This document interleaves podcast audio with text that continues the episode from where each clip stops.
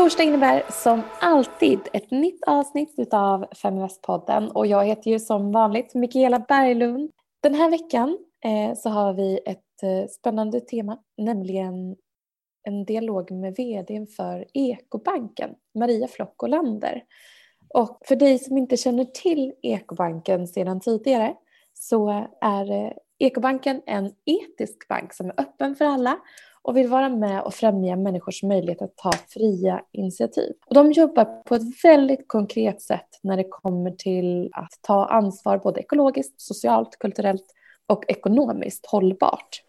Eh, och vi kommer att komma in lite på vilka olika sätt som man gör det på. Men ett sätt är exempelvis att man i huvudsak ger ut lån till verksamheter som skapar socialt, miljömässigt eller kulturellt mervärde. Maria, eh, du jobbade på Ekobanken under en längre period innan du blev vd som CFO och ansvarig för, eh, för hållbarhet. Hur kom du själv i kontakt med Ekobanken?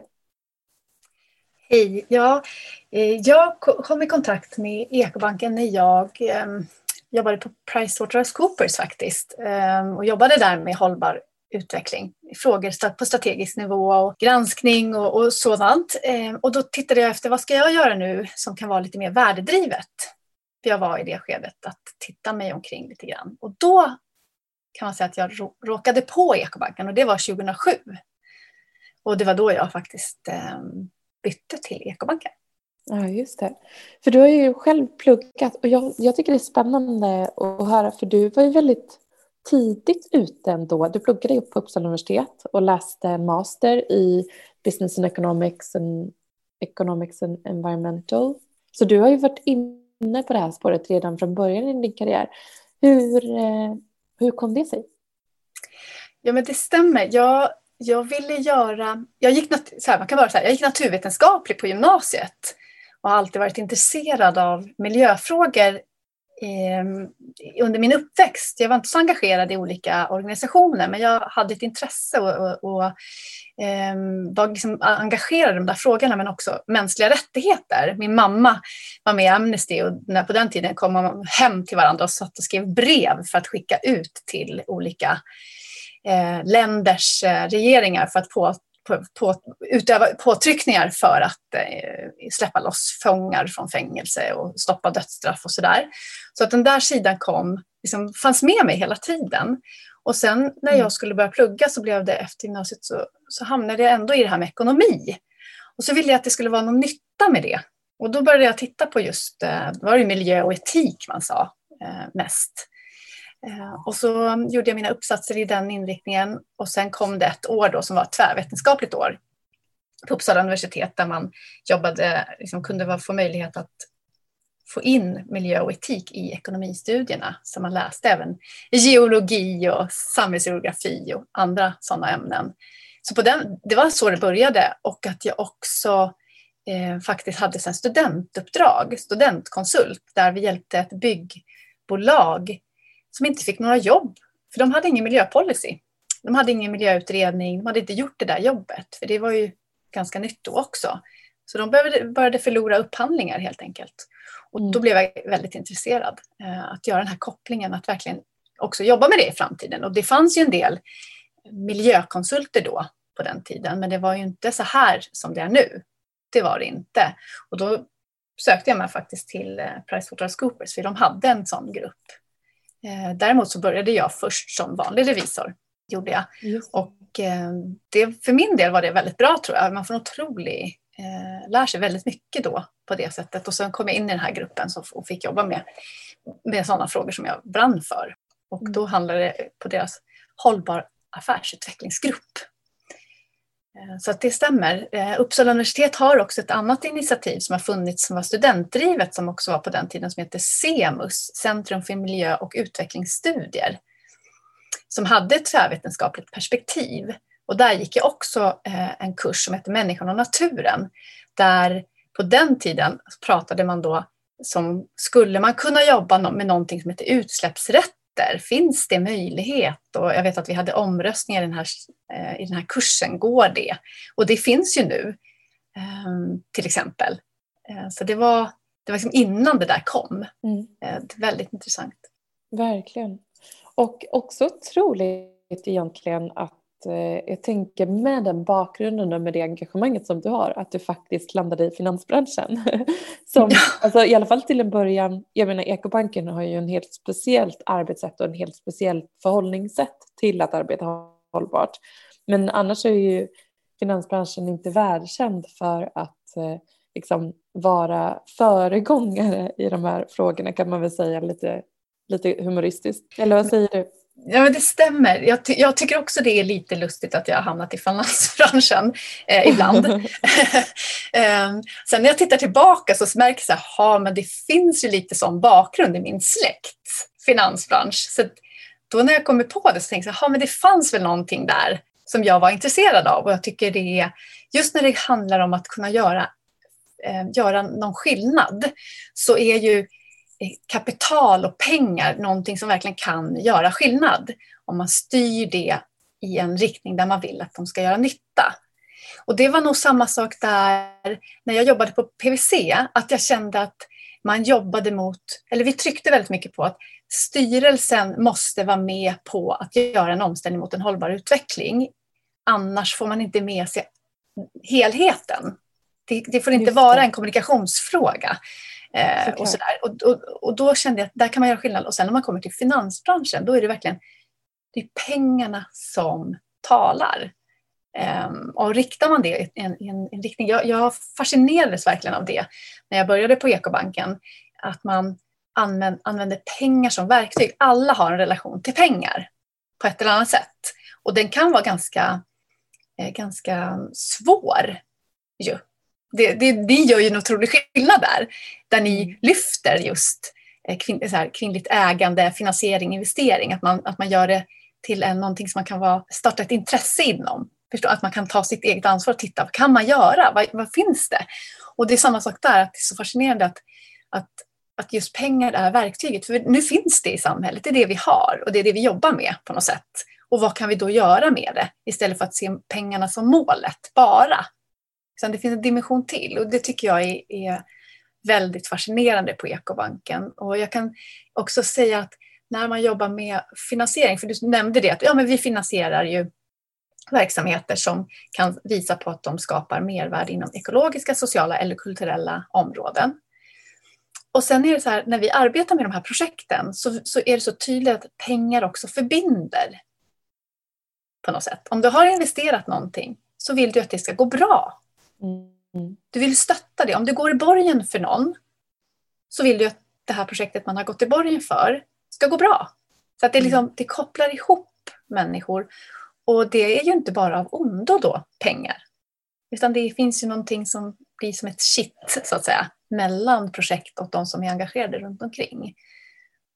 Eh, det är fascinerande tycker jag. Mm, verkligen. Mm. Eh, och hur man på, på ett föredömligt sätt kan liksom vara transparent i hur man arbetar. Eh, så som jag vet att Ekobanken, ni är ju dels är ni medlemmar i Global Alliance for Banking of Values eh, som är ett internationellt nätverk av banker som arbetar för att göra kapital hållbart och transparent. Och du får gärna berätta lite mer om hur, man kan, hur, hur ni jobbar där. Men sen också så finns det faktiskt mätningar i, i, som ges ut som, eh, jag vet att Amnesty bland annat är en av de organisationerna som ligger bakom Fair Finance Guide som du nämnde innan i och med att du, du berättade om, om initiativet som du, eh, som din, var din mamma som var aktiv mm. i Amnesty. Mm. Mm. Eh, och det är Fair Finance Guide som kommer ut årligen och eh, där ni har en oerhört hög kredibilitet när det kommer till hur ni jobbar med hållbart i jämförelse med alla de andra bankerna. Ni har 99 procent i hållbarhetsbetyg. Och man, man, har ju, man tänker ju olika, man gör olika. Men berätta om hur, hur det kommer sig att ni har så hög ranking där. Ja, jag tänker vi kan, precis, vi kan ta Fair Finance Guide först. Och det är ju så intressant. Det är också så där att det är ett internationellt initiativ så det finns i flera länder. Och så har de finansierats på olika sätt i olika länder, det beror på vad man har. Eh, och i Sverige är det precis som du sa, Amnesty, Naturskyddsföreningen, Sveriges konsumenter, Fair Action och sen så är det också en eh, djurvälfärdsorganisation som står bakom. Och eh, så det, blir, det är ett fritt initiativ, vilket jag tror är väldigt viktigt. Och de eh, tittar då varje år på just vad är det bankerna säger att de förbinder sig till. de kallar det hållbarhetsbetyg. Vad, vad, tar man för ställning i en mängd olika frågor? Och det är klimat, det är eh, skogsindustrin, det är ehm, eh, djurvälfärd, det är ehm, eh, olja, gas, alltså klimat, klimat då, eh, men olika delar inom det och, och transparens och sådär. Så det är, det är väldigt omfattande screening de gör. Och då är det så att eh, det där initiativet är ju för att påverka de stora aktörerna som idag inte kanske har det i kärnan som ekobanken har. Så att man vill mm. påverka dem. Och jag var mycket i dialog med dem när de kom till, när det började det här i Sverige. För att jag sa så här, men de här frågorna stämmer liksom inte. Vi, vi har ju positiva kriterier för vad vi finansierar i. För, för det blir så tydligt Med, ja, men vi finansierar inte krig och pornografi och sen är det bra. Men vi gör ju inte så, utan vi säger vi finansierar endast det som skapar en hållbar utveckling. Och så är det utifrån det vi bedömer projekten. Eh, och då blev det så här, ja, men de här frågorna är ju till för att, att eh, för andra banker och om vi säger att vi finansierar inte krigsmateriel, då kommer våra medlemmar och kunder undra, va? Har ni tänkt att göra det? Mm. Förstår du? Det väcker liksom mer frågor. Men vi löste det genom att vi helt enkelt gjorde ett dokument, en, en policy-ställningstagande eh, kan man säga, där vi säger men det här ställer inte vi upp på eller de här konventionerna skriver vi under på. Så, och då har vi skrivit att det gör vi för att visa att vi faktiskt inte gör det. Men i övrigt är det de positiva kriterierna vi tittar på. Och så jobbade vi med det där ganska mycket där. Eh, och då eh, har vi kommer vi ut väldigt bra. Och det är ju för att vi säger nej till så mycket. Så är det. Och, och också det här mm. som jag sa att hållbarhetstanken är i hjärtat av affärsidén. Det är startat utifrån det. Och det är såklart att det blir skillnad mot eh, konventionella banker. Det är ju så. De har en annan resa att göra. Men, men en resa de måste göra, det är ju att ställa om och det tror jag vi kommer se framöver. Men, och därför är Fairfinder så himla viktigt, för inte bara gör de den här eh, genomgången varje år, utan de har också ett antal eh, rapporter, alltså nedslag, granskningar på, okej, okay, gör bankerna det de säger att de ska göra? Och det är de rapporterna som bland annat kom förra veckan och också i december. Och då handlade det om klimatfrågan. Och då har de belyst att, ja men vänta nu, ni har sagt nej till att finansiera och investera i ny kolkraft. Varför hittar vi då ert namn här? Och så ställer de frågor, och så blir det en rapport på det. Och då har de ju gjort dem, till exempel den här gången med Naturskyddsföreningen och, och, och Sveriges konsumenter. Och sen andra sådana här granskningar kan vara med Amnesty som sätter eh, ljus på kanske leverantörers arbete med mänskliga rättigheter. Så det är en otrolig bredd i Fair Finance Guide och jag, jag anser att de har gjort en jättestor skillnad och gör en stor skillnad mm. Eh, i Sverige och i andra länder. Och, ehm, och jag tror att det är därför vi ligger där i topp. 99 är ju lite tufft att hålla för de kan bli för att de, de skruvar ju alltid i sina, i sina kriterier. Och eh, ibland passar de ju här, de här inte för oss. Vi har inte till exempel valt att göra en, en extern extra granskning på vår hållbarhetsredovisning, utan vi har den vanliga eh, revisionen på den. Eh, och, och, vi tycker inte att det är värt de pengarna. Det kostar mycket för oss, men vi har den ju granskad på en annan nivå. Då tycker vi att det räcker för oss. Eh, och det gör ju att vi får mindre poäng då på några saker. Sådär. Så att det är, mm. vi får se ja, hur det går framöver. Det är, ju, det är ju en hel del formalia också, hur man ska rapportera mm. på ett visst sätt för att kunna jämföra dem. Så jag förstår det. Men ändå intressant att, och kul att ni är så i framkant. Eh, men vad innebär då en etisk bank? Jag tänker liksom, vilka är era kunder och vad får man som, som kund hos er? Nej men precis.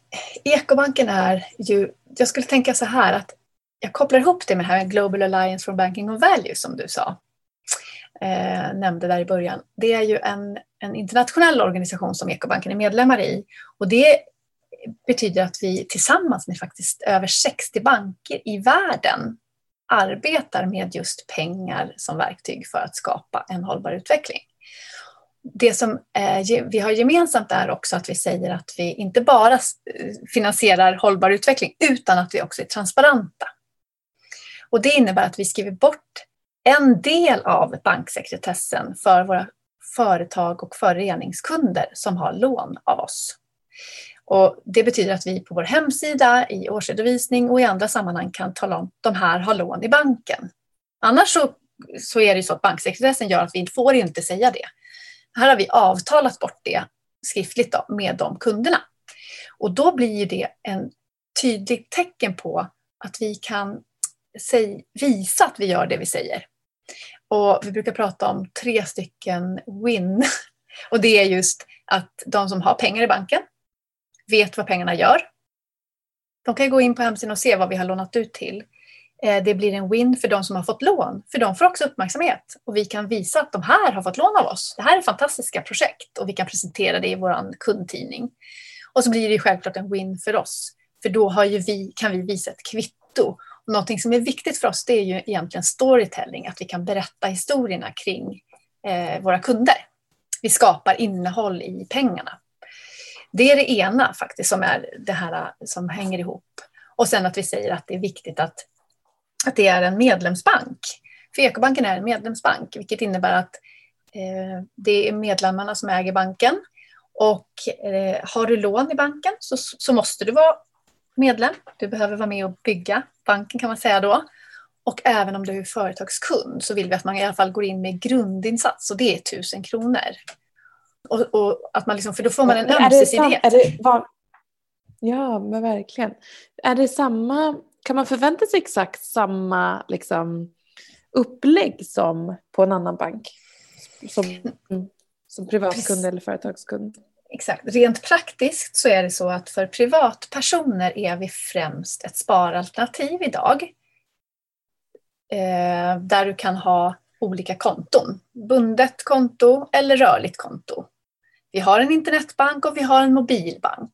Så att du kommer åt pengar enkelt och smidigt och du kan föra över pengar i appen eh, till dina konton. Du kan betala räkningar om du vill. Vi är inte utställare av bank-id och vi har inte Swish och kort idag. Eh, och, och, för företag och föreningar så har vi liksom ett mer eh, att vi har samarbeten kring så att man kan ha kort kopplat till banken och så och betala räkningar och bankgiro och filer och filbetalningar och det som hör till liksom, betaldelen i betalningsdelen för företag. Vi märkte ju, det måste jag vara inflikat, förra veckan när det var ett ett program i Kalla fakta, Bankernas smutsiga hemlighet, så blir ju många, många kunder, eller många människor eh, ilskna. Och då eh, kontaktar de oss och så blir de nästan eller de blir irriterade för att vi inte är en helbank. Så att de inte kan, de vill ju byta till oss. Och jag ja. förstår det. Men Ekobanken är en liten medlemsbank som, som växer organiskt. Då behöver vi göra de utvecklingssteg som går att göra med de medel vi har. Och vi tittar hela tiden på utvecklingssteg som kan göras. Eh, men just för privatpersoner så har vi sagt att just nu så, så är det ett sparalternativ. Sen ska jag säga att det finns några som jag skämtsamt brukar säga och med kärlek i rösten eh, kallar ekobankare. För de ser till att de hittar ett kort på marknaden, till exempel Klarna-kortet som går att koppla med autogiro till banken. Och så har de Swish kvar på någon bank som de har, så de har en liten summa där och sen flyttar de alla pengar till ekobanken. Så det är ju de som är hardcore ekobankare brukar jag säga. Men annars så öppnar man ett konto via hemsidan genom att eh, klicka sig vidare med hjälp av BankID och så öppnar man konto hos oss. Och för oss är det viktigt att få fler kunder för att kunna ta nästa steg i utvecklingen. Så, så det, det, är väl det, det, är det vi har. Och sen har vi vissa olika samarbeten, till exempel eh, vad gäller pri, privatkunder men också företag och föreningar så har vi ett samarbete med Lexly, eh, gamla 24, av, avtal 24, där man kan få rabatt om man behöver juridisk hjälp. Och sen har vi också ett samarbete med en, en organisation som heter World Favor som är ett eh, samarbete som vi nu har startat för att få in ännu mer hållbarhetsdata på ett samlat sätt från våra lånekunder. För vi har nämligen skrivit under något som heter Climate Change Commitment som innebär att vi ska rapportera våra lånekunders eh, klimatpåverkan utifrån koldioxid. ska jag säga. Mm. Och då behöver vi ett system för det. Så vi, och jag tror i framtiden kommer det bli ännu mer så att man får jobba med samarbeten för hela betalinfrastrukturen är i omgörning i Norden. Och då mm. hoppas ju vi på, på sikt att man kan göra mycket mer saker och snabbare helt enkelt. Mm. Men, ja, men, så är det. Mm. Men eh, jag blir så nyfiken. Hur började den här resan för Ekobanken från början? Vi har inte varit inne på det. Nej, just det. Ekobanken startade 1998, då, eh, 29 september. Och eh, man, fick, man började resan 96, men 98 är liksom då man eh, startade igång. Och det var flera olika saker som hände samtidigt under en period innan 96. Och det var, en del var att det, lagen om medlemsbanker kom som gjorde det Eh, lättare, eller tydliggjorde att man kunde starta som bank. Eh, det fanns två stycken lånsparkassor eh, i Stockholm och i Järna som växte sig lite stora. Det var lite diskussion i de här grupperna. Jag var inte med på den tiden, men där det fanns diskussioner om framtid.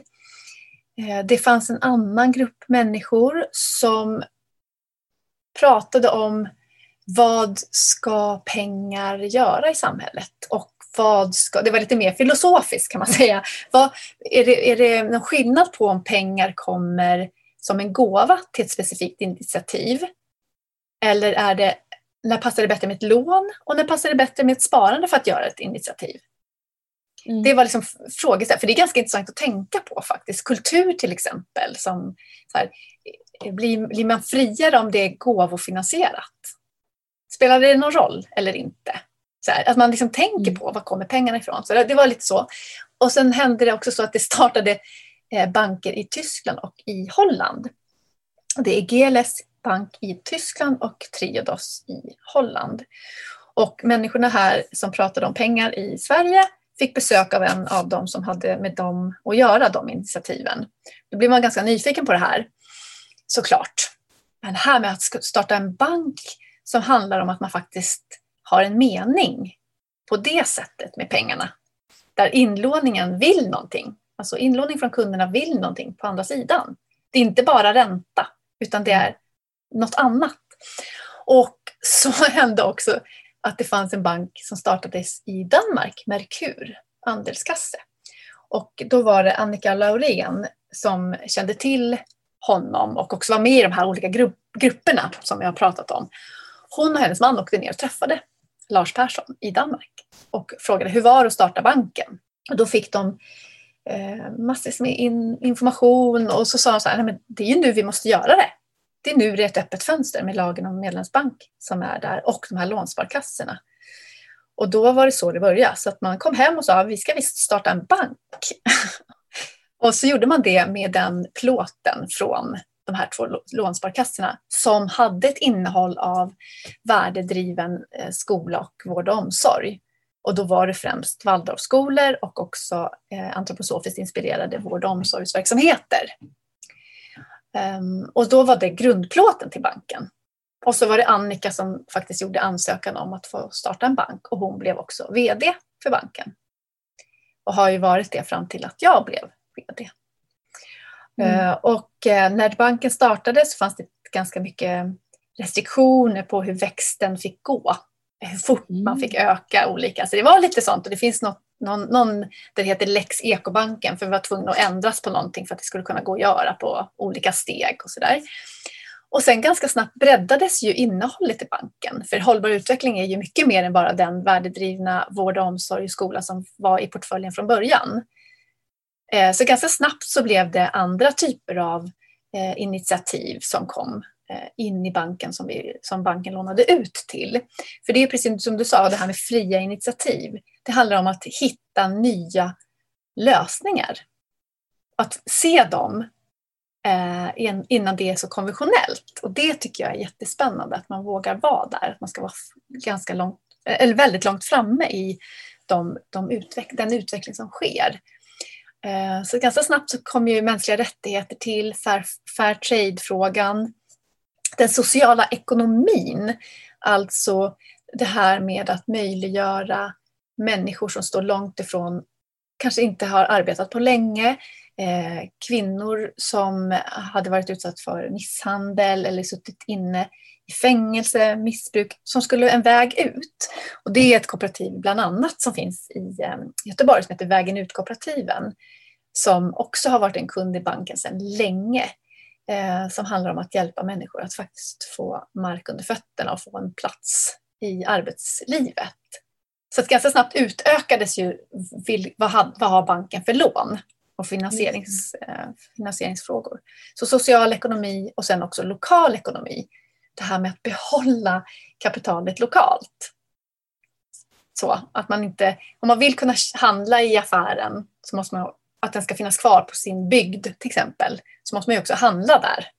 Att man ser pengarnas mm, kraft i också, om var, liksom, där man är. Så det var en del i, i, i liksom utvecklandet av banken. Och sen hela den här eh, hållbarhetsrabatter för, för bolån eh, och, och omställningslån och, och, och, så. Så det har liksom, det är liksom hela tiden så utvecklas ju banken i det som sker runt omkring. Mm. Mm.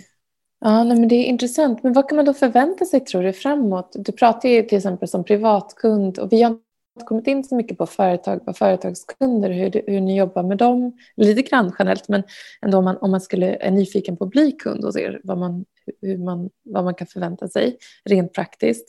Men det du sa var ju liksom att man, men i dagsläget så, så är det främst liksom spar, ett sparkonto som är det ni erbjuder. Vad tror du att ni kommer, kan du tisa på någonting som ni kanske kommer kunna erbjuda längre fram? Jag kan ju önska lite, eh, skulle jag vilja göra.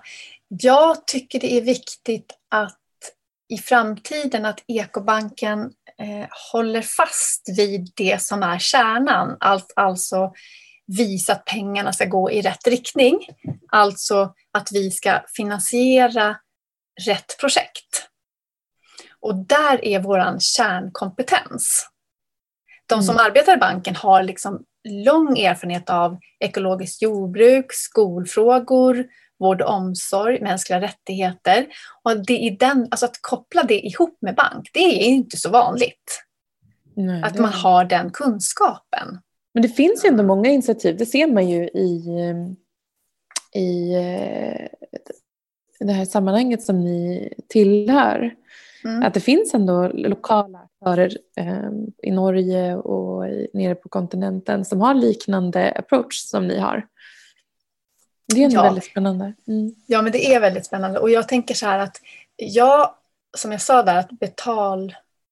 Det är inte alla som känner till det, men betalinfrastruktur och betaltjänster är, det är en jättestor utveckling som sker nu i, alltså det har påbörjat för några år sedan och nu kommer det. Nu, liksom, nu ska den, den kommer att ändras, hur betalströmmar ska gå, gå i, i, i, samhället.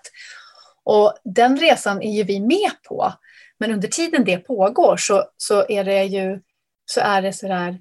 vi står inför några vägval helt enkelt. Jag hoppas, jag önskar att vi kommer kunna få kontakt med aktörer som vill arbeta med ekobanken, som kan som är experter på betalningar och som vill erbjuda sina tjänster tillsammans med oss. För mm. vi, jag tror inte vi har möjlighet att utveckla dem.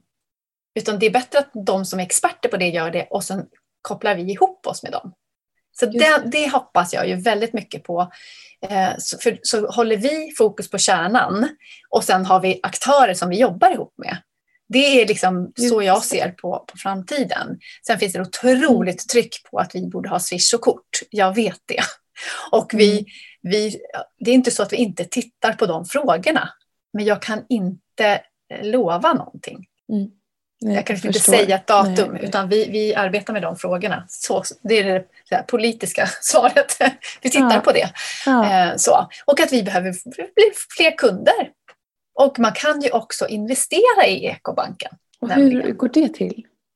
För du berättade ju att ni var en medlemsbank. Mm. Ja, men precis. Eh, då är det så att man eh, kan ansöka om att bli medlem och sen får man helt enkelt, eh, när man har sagt till om det så får man eh, inbetalningskort och så betalar man in och då blir man dels grundinsats och det är 1000 kronor och sen kan man bestämma hur mycket tillkommande insatser man vill ha.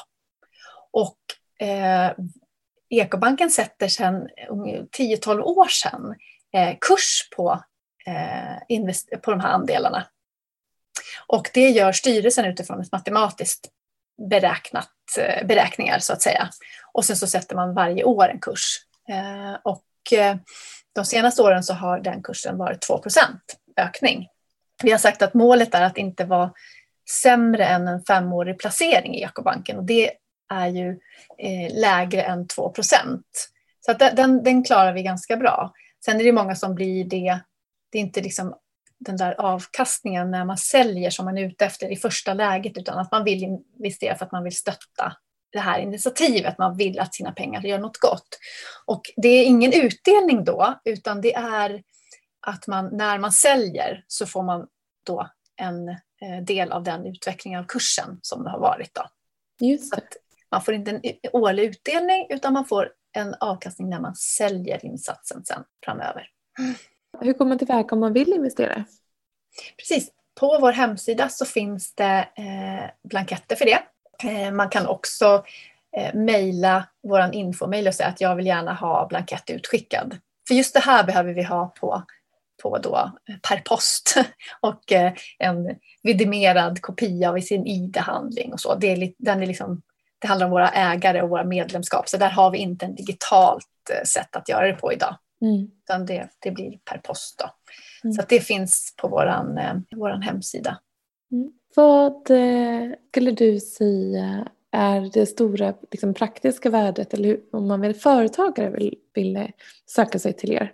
Ja, precis. Vi märker en jätteökning just nu på eh, företag som vill bli kunder hos oss. Och då inte bara lån utan ha sitt konto hos oss och ha liksom sina betalningar och så.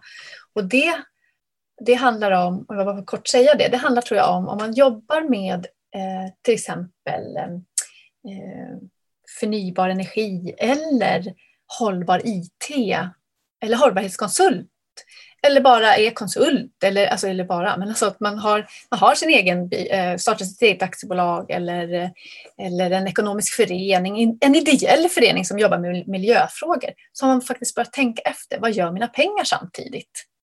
Och då vill man ha en bank som jobbar i samma riktning som en. Och då gör man så att man även där då skickar ett mejl från vår hemsida och så tar våran eh, vår eh, kundservice då för företag kontakt och börjar ställa frågor och gör sin, sin eh, kundkännedom. Och så får man ett eh, bankkonto, bankgiro och de filtjänster man behöver om man behöver det.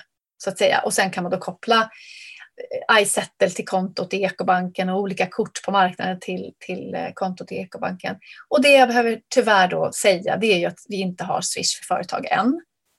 och det tittar vi intensivt på att kunna koppla. Då. Men det behöver man då ha en lösning för om man har behov av Swish som företag. Mm. Ja men eh, spännande, otrolig möjlighet. Ja, jag några...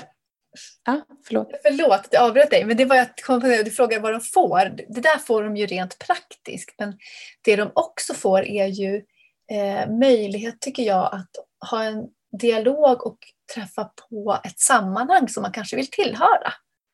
Eh, när det mm. var den vanliga tiden, så när vi hade vår, vår, vår stämma, så har vi alltid en minimässa och en ett, eh, konferens eller seminarium på förmiddagen.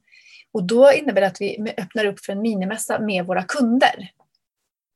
Eh, och då får de träffas, så det är också ett nätverk. Man är liksom kund i Ekobanken och då tillhör man en grupp där man har tagit ställning och valt någonting aktivt.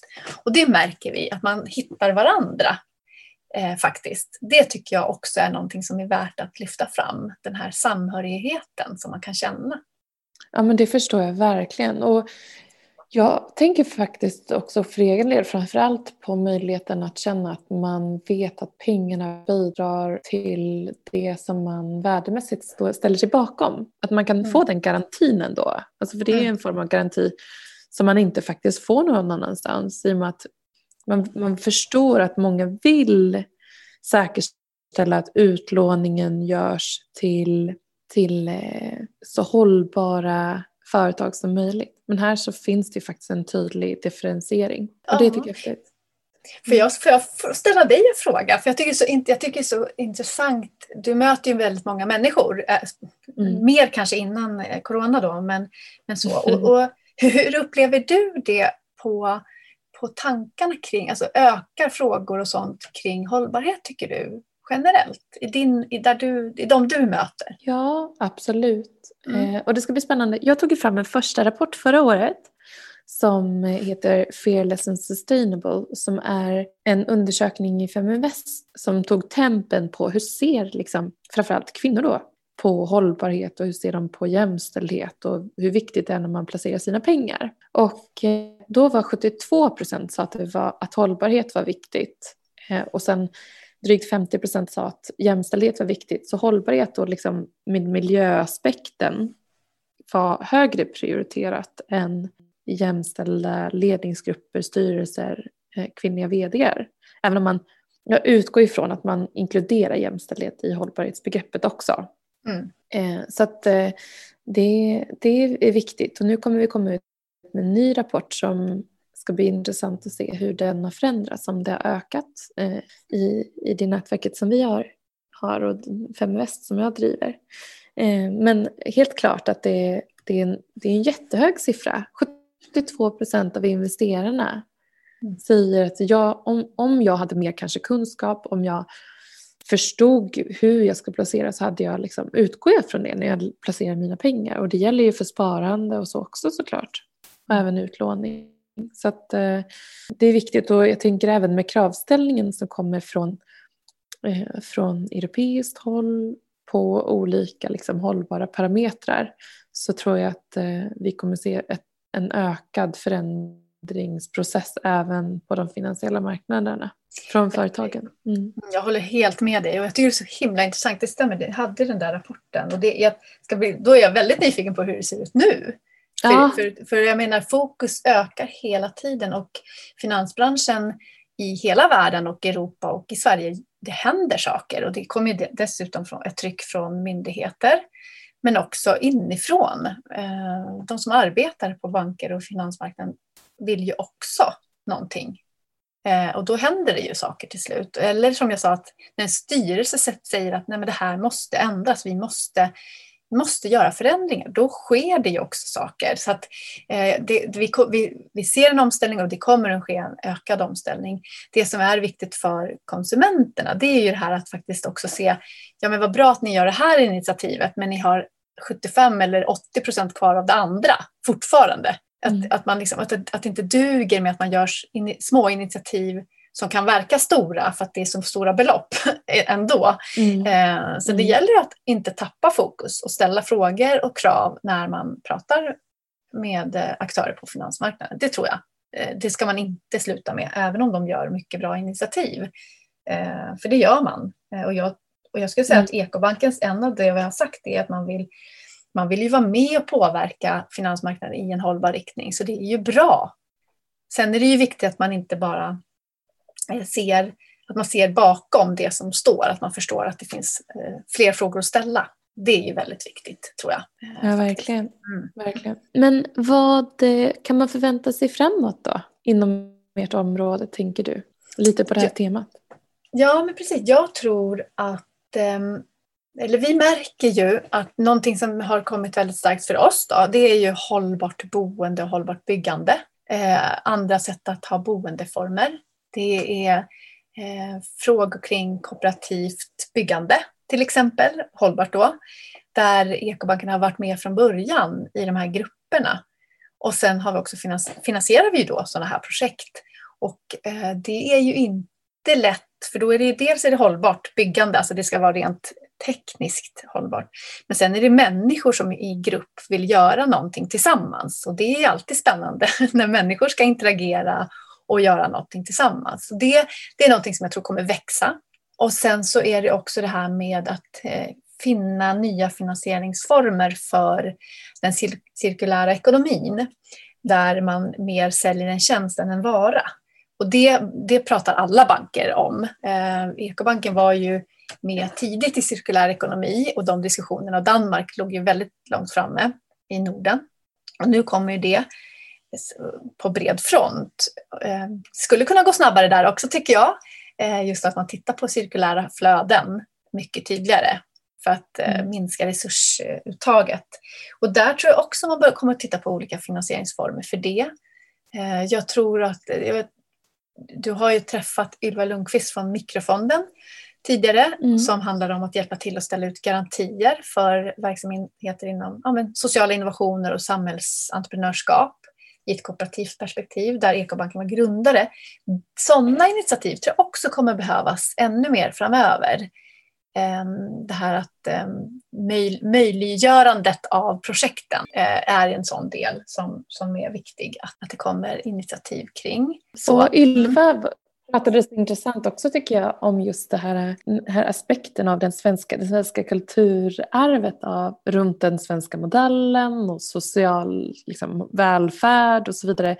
Att det faktiskt har påverkat oss neg negativt när det kommer till ja, företag som grundas av liksom, medlemsorganisationer, ideella föreningar och sådär. Att de har haft svårare att mm. få finansiering och så vidare. Vilket jag tycker är jätteintressant. Man tänker ju att vi borde ligga ganska högt upp och liksom vara duktiga på det med våra mm. fantastiska förutsättningar. ja, jag håller med. Vi märker det eh, också.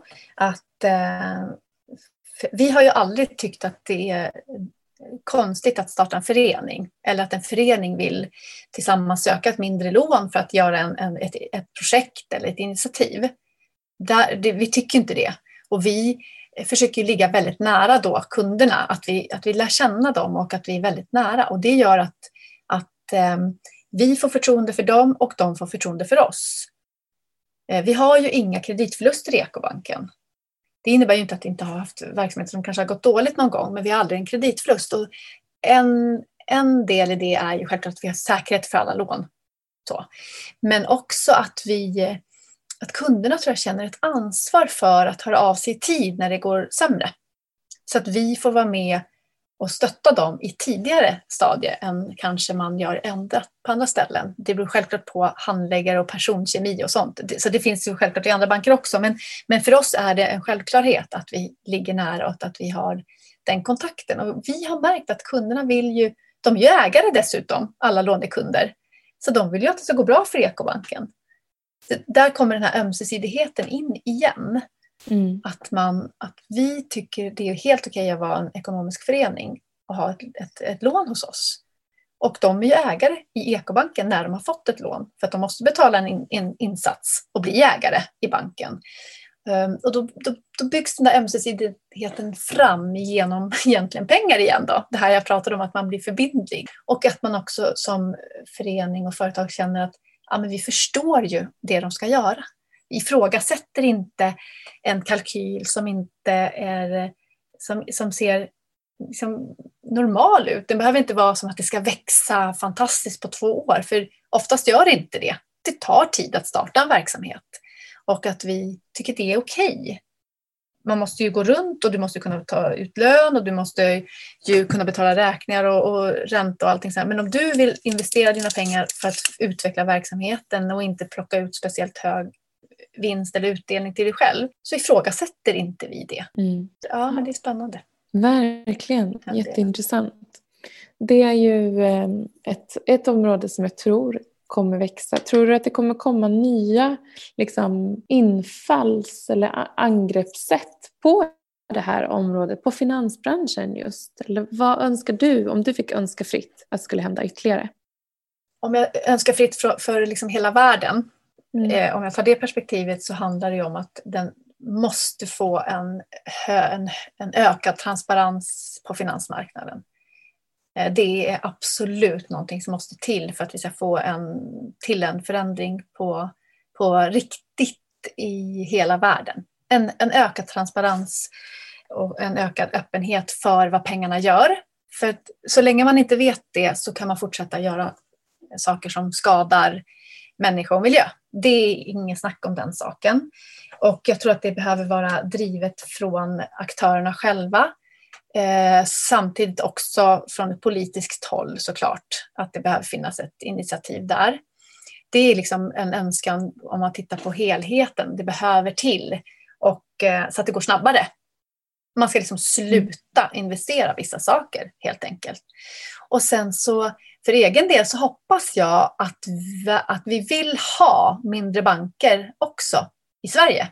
För jag känner inte riktigt det. Eh, att man värdesätter eh, det på, från politiskt och myndighetshåll alla gånger. Det skulle jag önska, och att, eh, att man ser värdet av att faktiskt eh, vara en, en mindre aktör. Eh, och att man, sen, sen en annan önskan det är ju att jag gärna vill att Ekobanken ska få lite mer kapital. Eh, faktiskt. några som vill bli medlemmar och, och köpa lite insatser. Det skulle mm. jag vilja. Det är en, sån här, en önskan under 2021 faktiskt.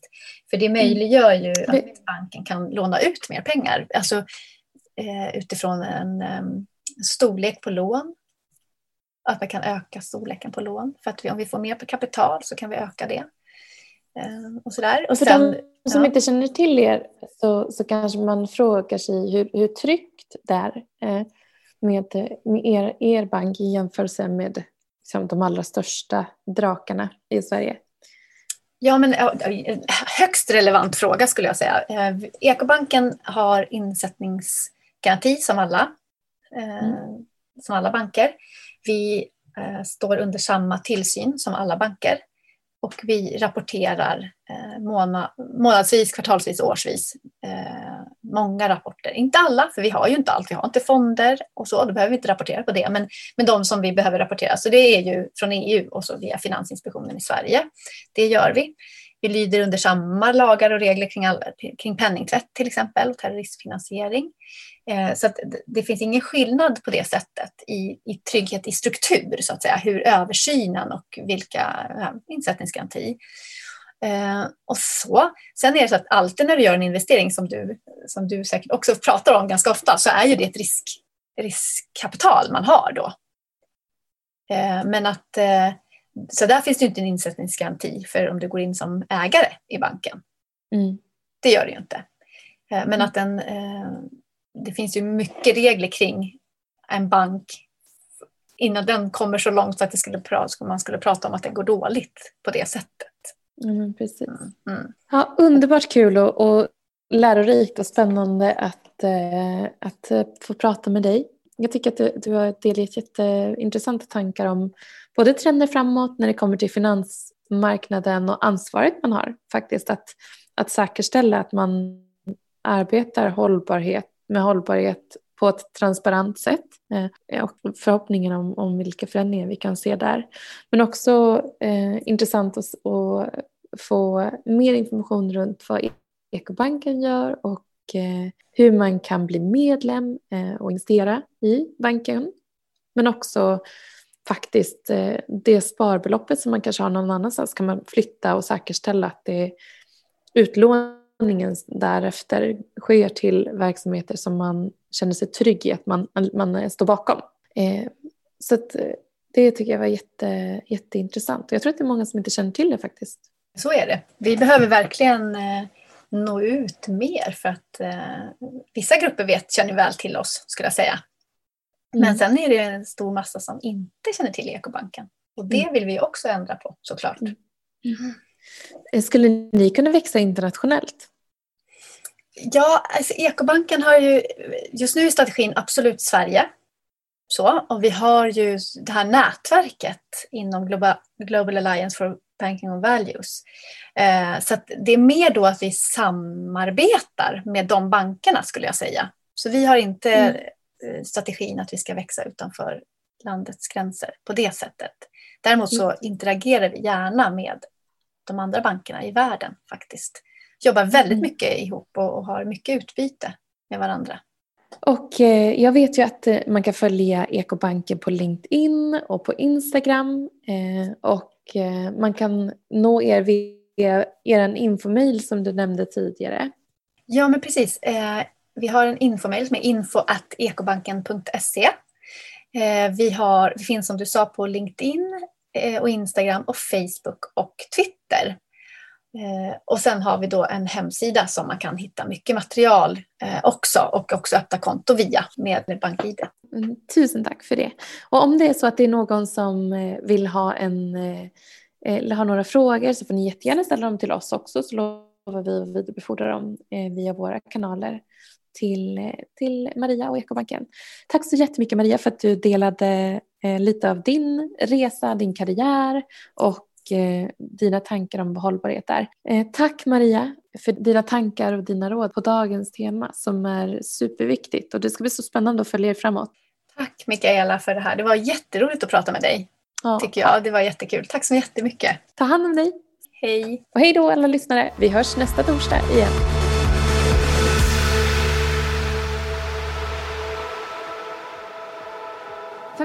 Är Sveriges största investeringsnätverk för tjejer. Vi vill att allt fler ska våga äga och förvalta. Och hur gör vi då detta? Jo, vi vill inspirera, utbilda och utmana runt ägande, investeringar och entreprenörskap. Följ Feminvest på våra kanaler Facebook, Instagram, Youtube varje vecka så kommer vi även ut med en podd och du kan ju självklart även följa nyheterna som publiceras på feminvest.nu. Det är bara att söka på Feminvest på samtliga kanaler så hittar du till oss.